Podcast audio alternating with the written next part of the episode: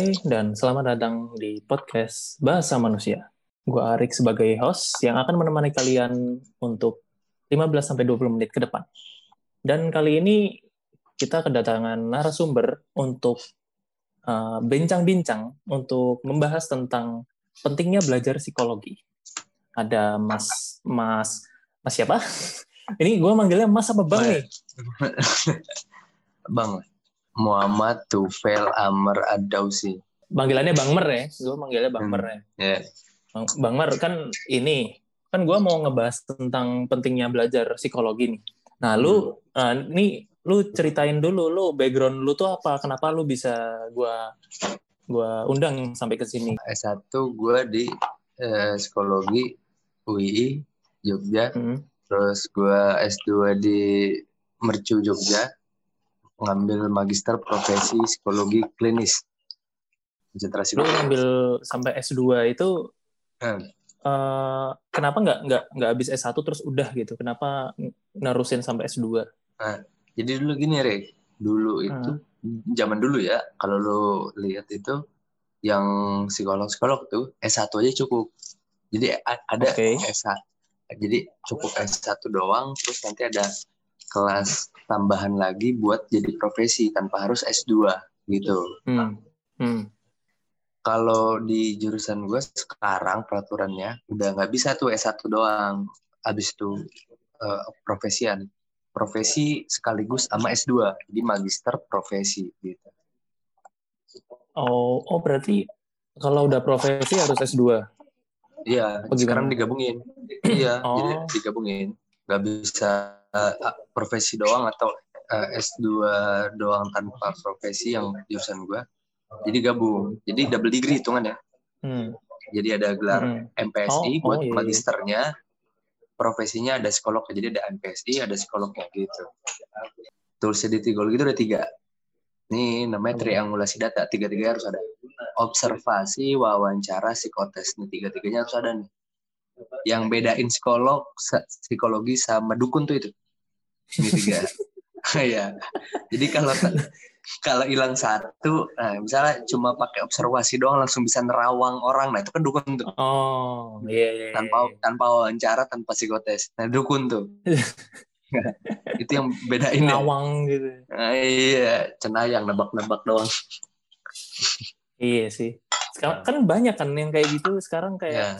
Ya. uh, apalagi di sosmed baru-baru ini nggak baru baru-baru ini sih maksudnya belakangan-belakangan ini kayak orang-orang yeah. uh, apa ya bisa dibilang self diagnose gitu-gitu yeah. yang dia mendiagnosa dia di, di, diri dia sendiri mm. saat uh, setelah dia entah ngebaca uh, artikel yang apa yang nggak kayak nggak nggak nggak jelas atau mungkin kayak dengar dari temennya di jelasin oh kalau hmm. misalnya hmm. paranoid itu ciri-cirinya gini gini gini gini gini habis itu hmm. si si B bilang ah kok sama sama apa yang gua rasain apa jangan-jangan paranoid kayak gitu itu kok bisa kok bisa sampai ini kan apa fenomena kayak gini itu baru kayak kayak gua rasa tahun kemarin nggak ada deh apa udah ada ya Iya, udah ada kemarin. Ya paling nggak dua tahun, tiga tahun terakhir lah.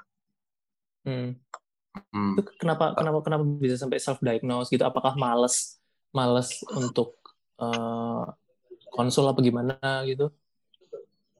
Nah, itu yang yang itu gue bilang kalau apa uh, psikologi itu kalau bandingannya sama analogiin ya itu kayak ilmu politik. Hmm. Hanya karena hmm. lu manusia, lu jadi ngerasa lu paham psikologis diri lu atau psikologis orang lain sama kayak oh, politik kan banyak okay. orang cuma ngelihat TV doang lihat berita langsung ngerti ilmu politik ya. Padahal kan langsung, kan kuliah uh, dia lebih pelajari lebih dalam ada banyak hal-hal yang lain kan. Sama psikologi juga gitu iya nggak sesederhana itu. Kuliah juga hmm. ribet. Kalau psikologi gampang. Tumpah ruah di dunia ini psikolog. Logi, iya logikanya gitu ya. aja. Kalau hmm. gampang hmm. seharusnya banyak dong. Ya kan ya nyatanya iya, nggak juga dikit. Ya karena nggak gampang juga. Terus yang kedua itu nggak cuma di psikologi di eh, kedokteran juga di kesehatan di apa eh, farmasi obat-obat kayak gitu. Baca gejala-gejala penyakit kan tujuannya supaya oh gue ada gejalanya nih supaya lu datang ke dokter. Kan gitu. Hmm. bukannya hmm. gue ada gejalanya terus lu tiba-tiba beli obat sendiri ngide gue kayaknya sakit ini gue belilah obat ini kan gak, gak gitu juga kan yes. jadi fungsi yang ada nanti salah-salah kan malah jadi penyakit hmm. di psikologi juga gitu fungsinya ada tuh gejala-gejala apa gitu lu baca nah jangan berhenti di lu berarti wah lu udah ngerasa nih kayaknya gue ada gejala ini ya lu datanglah ke psikolog gitu hmm. ini nggak nggak nggak nggak terus self diagnose terus iya. Yeah. core di sosmed hmm. kayak gitu, -gitu. Nah, iya itu itu tuh kalau kalau orang-orang yang kayak gitu tuh kayak gue rasa ya ntar malah kasihan sama yang ini sama yang beneran ya. sakit yeah. karena kan hmm. seka sekarang kan udah kalau zaman dulu kan mungkin karena sosmed belum kenceng ya jadi orang tuh belum terlalu bisa buka buka apa ya kayak akses, buka diri akses. gitu loh buat yeah, untuk uh, aksesnya untuk, kurang menceritakan dirinya, mengekspresikan dirinya lewat sosmed gitu, atau yeah. informasi yang dia terima soal kesehatan mental juga kurang, nggak kayak dulu, nggak kayak zaman sekarang gitu.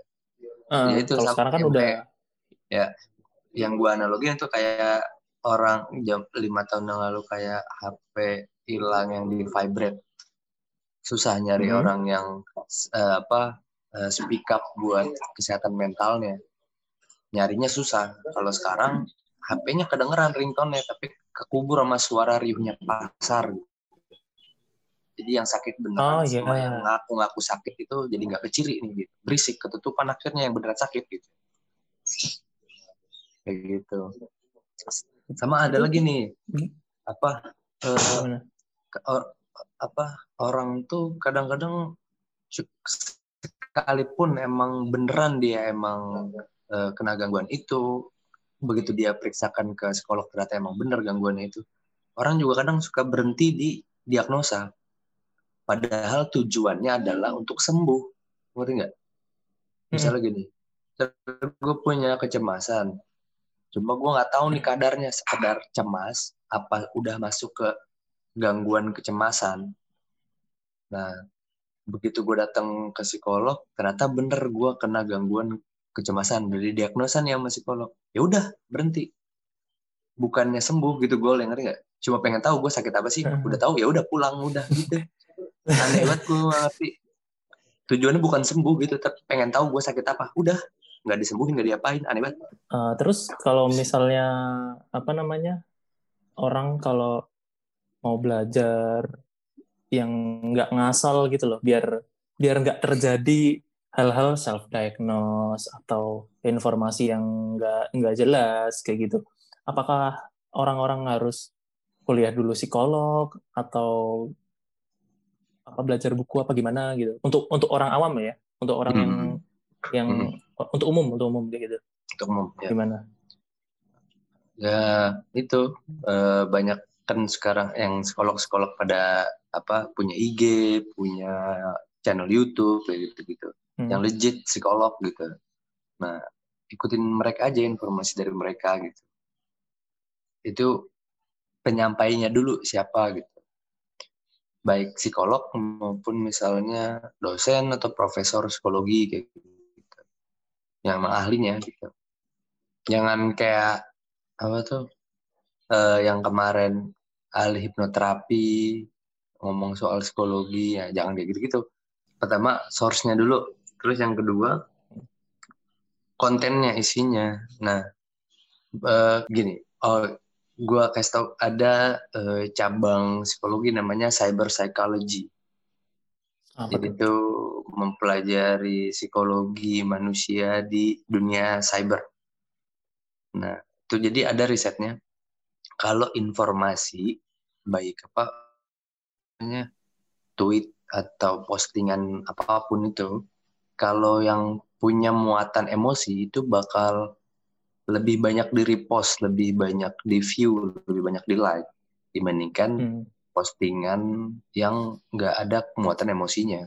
Maksudnya kadang-kadang justru malah yang rame itu yang ada muatan emosinya dibandingkan valid nggak validnya informasinya ngerti nggak ngerti ngerti ngerti ngerti ah kayak gitu. Jadi misalnya lu baca uh, ada postingan soal sedih-sedihan soal pengalaman so terus tiba-tiba dari situ berangkat ngomongin soal depresi dan gejala-gejala depresi. Kan itu oh bridgingnya lah ya. Uh -uh, jadi uh, di dalam postingannya itu ada muatan emosinya. Yang nggak ada hubungan sama valid invalidnya informasi di postingannya gitu. Ya, ya, nah, itu ya. hati-hati juga kayak gitu-gitu oh. kadang-kadang orang kan suka gitu sekedar ih gue relate maka valid kan itu kan dua hal yang berbeda gitu iya iya sih iya sih Jadi, nah nah, nah itu maksudnya uh, untuk tahu valid apa enggaknya itu gimana? Kan orang gimana ya kayak semakin ke sini kan gue rasa kayak semakin maunya instan gitu loh, nggak mau cari-cari dulu backgroundnya mm. apakah valid apa nggak valid gitu. Nah itu yang uh, kalau beberapa misalnya postingan tuh ada juga yang disertakan sama dapusnya. Kalau hmm. lu nggak cuma gituan ya banyak kayak misalnya berita dan segala macamnya kan juga banyak tuh ada source-source-nya jurnal jurnalnya buku-bukunya. Nah itu lu bisa lihat dari situ. Ada juga yang nggak pakai. Nah yang nggak nggak pakai nih lu juga bisa searching sendiri. Ini kira-kira referensinya dari mana gitu legit atau enggak source-nya kayak gitu. Yang orang males cross check sebenarnya. Hmm. Males meriksa lagi gitu sekedar baca oh ya udah gitu. Oh ada nih enggak. Siapa tahu dapur sekalipun ada dapusnya belum tentu valid gitu. Terus iya dapusnya ah, asal-asal dapus saya iya. gitu. Iya. Biar kita tahu valid. sana kuliahan deh dapus-dapus fiktif nah ya kayak gitu-gitu. Juga. Kalau untuk apa namanya untuk ini deh untuk umum. Kalau untuk umum ya uh, lihat aja sebenarnya banyak buku-buku. Jangan males baca. Jangan males baca. Buku-buku soal psikologi yang populer. Itu banyak banget. Nah itu lu bisa baca. Atau ada juga beberapa podcast kayak uh, itu lu juga bisa dengerin kayak kema contohnya uh, kuliah dukun kalau nggak salah itu di Spotify itu psikolog legit ngomongin soal psikologi itu juga bisa lu lihat kalau untuk yang kuliahan, kalau udah kuliahan mah, gue rasa mahasiswa harusnya udah tau lah, pinter milah-milah mana informasi yang ilmiah, mana yang enggak harusnya. Sekalipun bukan anak psikologi gitu, tahu udah yeah. tahu cara milah-milah informasi ilmiah nggak ilmiah harusnya, harusnya ya idealnya. Gue nggak tahu mahasiswa gimana. mahasiswa sekarang. Kalau kalau kalau misalnya nanya ke temen gitu yang hmm. psikolog juga yang masih belajar atau hmm. itu nggak apa-apa kan ya harusnya? Ya nggak apa-apa, tapi uh, kalau bisa kan ya ya kayak di kelas aja ada yang pintar ada yang enggak ya kan ada yang kurang uh, pintar kurang pintar ya halus sekali ya hmm. Bisa lihat juga gitu. misalnya ada anak satu ngomongin psikologi karena ada juga Rick, nih gue kasih tahu, ada juga anak psikologi juga, anak S1 nih, mahasiswa psikologi juga. Itu percaya sama tarot juga, sama astrologi juga, sama horoskop, kayak gitu ada juga, Rick. Padahal bisa? S1, makanya gue gak ngerti tuh. makanya ada juga yang mahasiswa psikologi self harm. Kalau mahasiswa psikologi itu self harmnya caper bukan yang emang gangguan ya, oh. bukan karena masalah psikologi yang caper. Gitu. Ya kayak gitu-gitu. Jadi sekalipun anak psikologi hasil psikologi pun harus dipilah-pilah gitu. Mana nih kira-kira orangnya yang yang kalau ngomong bener mana yang enggak gitu. Harus cross check lah gitu. Iya, ya, ya maksudnya kalau misalnya jangan apa kalau misalnya mau cari informasi ya minimal nggak kosong lah di sini. Minimal apa ya minimal mau cross check lah itu aja. Iya, mau cross check, cross check lah, ya kan? oh ini ini kan ada gue nemu dari internet ilmu psikologi itu bukan ilmu nyata bukan apa gimana tuh kan bukan apa kan jadi ada ada sering kesalahpahaman ada orang yang bilang kalau ilmu psikologi itu bukanlah ilmu nyata jadi kayak hmm. kayak apa ya? Iya bukan ilmu nyata gitu. Karena manusia hmm. bisa perilaku manusia kan bisa berubah-berubah kayak gitu. Ya, ya. Itu menurut lu gimana? Nah, di psikologi itu yang dipelajari itu yang uh, karena dalam rang dalam dalam lingkupnya itu kan ilmiah ya. Jadi ya pakai patokan hmm. metodologi ilmiah yang ilmiah aja. Misalnya emosi oke okay lah berubah-ubah. Tapi gimana cara mengukur emosi? Ya lewat psikotes tadi lewat statistik oh, iya tadi, secara kuantitatif tadi gitu. Jadi patokannya tetap metodologi ilmiah, sekalipun ngomongin soal emosi, kepribadian, tapi yang nggak measurable, nggak tahu validitas, reliabilitasnya, nggak sesuai metodologi ilmiah, ya nggak usah dipakai. Mungkin maksudnya eh, psikologi sebagai bahasan yang metafisik yang nggak keukur mungkin. Iya, iya, juga, iya, iya. Gue juga pernah denger juga tuh. Kayak nggak uh -huh. bisa intelijensi manusia tuh diwakilkan oleh angka dalam skor IQ. Sebenarnya itulah kenapa tes IQ itu ada banyak kalau lu tahu. Hmm. Kayak ada tes IQ untuk remaja, ada untuk anak-anak, ada untuk dewasa. Itu pun ada beda-beda tuh. Ada untuk gangguan, ada untuk uh, setting belajar, ada untuk intelijensi hubungannya sama kerjaan. Itu beda-beda lagi. Ada banyak banget toolsnya. Jadi emang satu aja nggak cukup. Benar. Ada benarnya. Tapi ya itu. Karena manusia kompleks. Jadi iya ya sih, toolsnya juga ada banyak. Gitu. Terus sama tadi uh, manusia berubah-ubah. Benar. Tapi yang diukur misal uh, yang di psikologi itu misalnya yang diukur tuh misalnya pola kepribadian kepribadian hmm. itu uh, berubah benar, tapi dinamis, bukan fluktuatif, bukan stagnan. Jadi kalau stagnan ya gitu-gitu aja kan nggak mungkin hmm. kepribadian lu sekarang sama kepribadian lu SMP sama, nggak mungkin dong, nggak berkembang hmm. berarti. Nah, tapi juga nggak fluktuatif. Hari ini lu A, besok lu beda lagi kepribadiannya yeah, kan nggak yeah. mungkin gitu.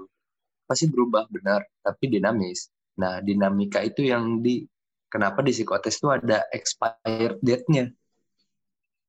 Oh. Gitu. Jadi nggak satu kali tes lu berlaku seumur hidup nggak gitu. Karena manusia berubah benar. Makanya harus di tes ulang lagi. Gua analogin deh kayak hari ini misalnya lu pakai termometer panas lu 35 derajat. Ya apakah seumur hidup cukup sekali doang lu pakai termometer ya enggak. ya, kan ada masa di mana lu sakit lu lebih panas misalnya yeah. karena iya. demam ya, kayak yeah. gitu iya. aja misalnya kayak misalnya mungkin lu di psikotes sekarang kayak nggak ada masalah tapi mungkin besoknya lu kena masalah nih misalnya kena pengalaman traumatis ngaruh ke kepribadian lu itu bisa makanya ada expired date-nya terus kalau uh, kan tadi kita sempat nyinggung kayak kenapa orang-orang harus belajar seenggaknya psikologi diri dia sendiri lah itu kenapa hmm. sih harus harus ngerti gitu. Apakah kalau mungkin kalau setahu gue biar lebih bisa ngontrol emosi. Iya, salah satunya. Iya. Manajemen manajemen uh, manajemen emosi, emosi emosi misalnya. Ada yang lebih spesifik lagi kayak anger management. Kalau pemarah gimana cara manage Hmm. Banyak sebenarnya. Kayak misalnya pengembangan diri gimana cara potensi lu di mana dicari udah cari gimana ngembanginnya. Ada juga ke kepribadian ada juga cara bersosial ada juga eh, banyak misalnya. Sampai ada meditasi mindfulness banyak yang dieksplor kayak lagi psikologi kan nggak cuma ngebahas soal perasaan ya. Di psikologi yeah. itu domain utamanya itu eh, pikiran perasaan, perilaku, itu tiga utamanya. Anggap kalau psikologi itu bidangnya cuma ngebahas soal perasaan, padahal pikiran, perilaku juga domainnya. Ya misalnya merokok, merubah perilaku merokok, kan juga ngebahas soal psikologi gitu. Nggak harus melulu soal orang sedih, putus cinta, dan segala macam ya. Nggak cuma itu, masih yeah. banyak. Kayak pikiran, kenapa ada orang batu kalau dibilangin kenapa ada orang kok nurut aja apa kata temennya? Nggak diproses dulu informasinya. Kayak gitu. Kenapa percaya sama hoax? Itu ranah psikologi kognitif. Ranah kayak tadi psikologi cyber. Cyber psychology hmm. psikologi politik ngebahas soal politik. Banyak domain yang lain yang lain. Yang saat sebenarnya nggak perlu pahamin dalam-dalam juga sekedar tahu aja supaya lebih ngerti manusia aja gitu. Kadang kan biar kayak gitu. enggak ini ya nggak apa iya seenggaknya tahu lah. Tahu hmm. sama dirinya sendiri lah. Kalau udah tahu terus paling, kudu ngapain kayak gitu. Iya. Paling nggak bisa tahu di, dirinya sendiri dulu. Nanti dari sana baru beranjak buat mengetahui belajar saudara-saudaranya teman-temannya gitu. Nanti bisa ke yang lain-lain yang lebih luas kayak misalnya masyarakat politik negara. Masyarakat menanggapi politiknya. hmm. Atau penggunaan sosial media ngomongin soal hukum yang berkaitan dengan psikologi banyak nah, banyak banget. Berarti ini ya, berarti kalau bisa disimpulin uh, psikologi untuk belajar psikologi dari untuk orang siapa pun itu tuh berarti penting banget ya, seenggaknya biar hmm. biar uh, tahulah sama dirinya sendiri perilakunya, terus iya. perasaan, yeah. terus cara nanganinnya ntar gimana, hmm. biar biar biar ya biar ngerti lah, biar hmm. ngerti terus nggak sembarangan. Yeah sembarangan ya jadi ya gitu aja sih kalau ini ini kan udah udah mau kelar nih hmm. mungkin lu ada pesan pesan buat yang dengar gitu gimana kalau dari gua buat yang uh, ini ya kalau lu masih pada sekolah pengen ada pikiran nih dari kayaknya gue pengen masuk jurusan psikologi matematika yang bagus sama biologi yang bagus. Tuh penting tuh dua tuh. Terkepake tuh. Ya lu harus hafal hormon-hormon saraf-saraf kelenjar-kelenjar bagian otak mana kayak gitu itu harus hafal tuh. Matematika juga nama statistik. Terus kalau buat untuk orang umum eh, belajar psikologi ini anggap aja ini tuh kayak lu belajar hal lain aja kayak lu belajar naik motor bedanya ini belajar diri lu sendiri sebagai manusia gitu. Karena tahu uh, orang mau belajar naik motor dari nggak bisa jadi bisa. Orang mau belajar hmm. buat kerjaan di yang nggak sesuai sama bidangnya tapi mau belajar jadi bisa. Kenapa lu nggak belajar buat belajar diri lu sendiri sebagai manusia gitu? Nah iya itu dia. Kadang-kadang kan hanya karena gue manusia gue udah tahu caranya jadi manusia ya nggak gitu kan konsepnya. Nggak otomatis jadi bisa gitu nggak nggak semudah itu gitu loh kadang kita dilahirin nggak langsung ngerti juga apa maunya kita iya. gitu loh jadi iya, ya dipelajari, bu ya dipelajari gitu loh. Yang pelajari ya, punya badan sendiri, iya. punya otak sendiri. iya, pelajarin lah. Iya. Nah, terus yang belajarnya yang benar. yang benar tapi belajarnya jangan nah. asal. hmm. Oke, okay, kalau gitu uh, gua akhirin aja lah. Podcast ini udah udah cukup lama kita ngobrol-ngobrol. Mungkin lain kesempatan bisa hmm. ngobrol lagi entah di episode selanjutnya atau kapan mungkin bisa lagi. Oke, segitu dari gua uh, sebagai host Arik dan rekan gua as narasumber Bang Mer. Kita panggilnya Bang Mer. Sampai jumpa dan makasih. Nah.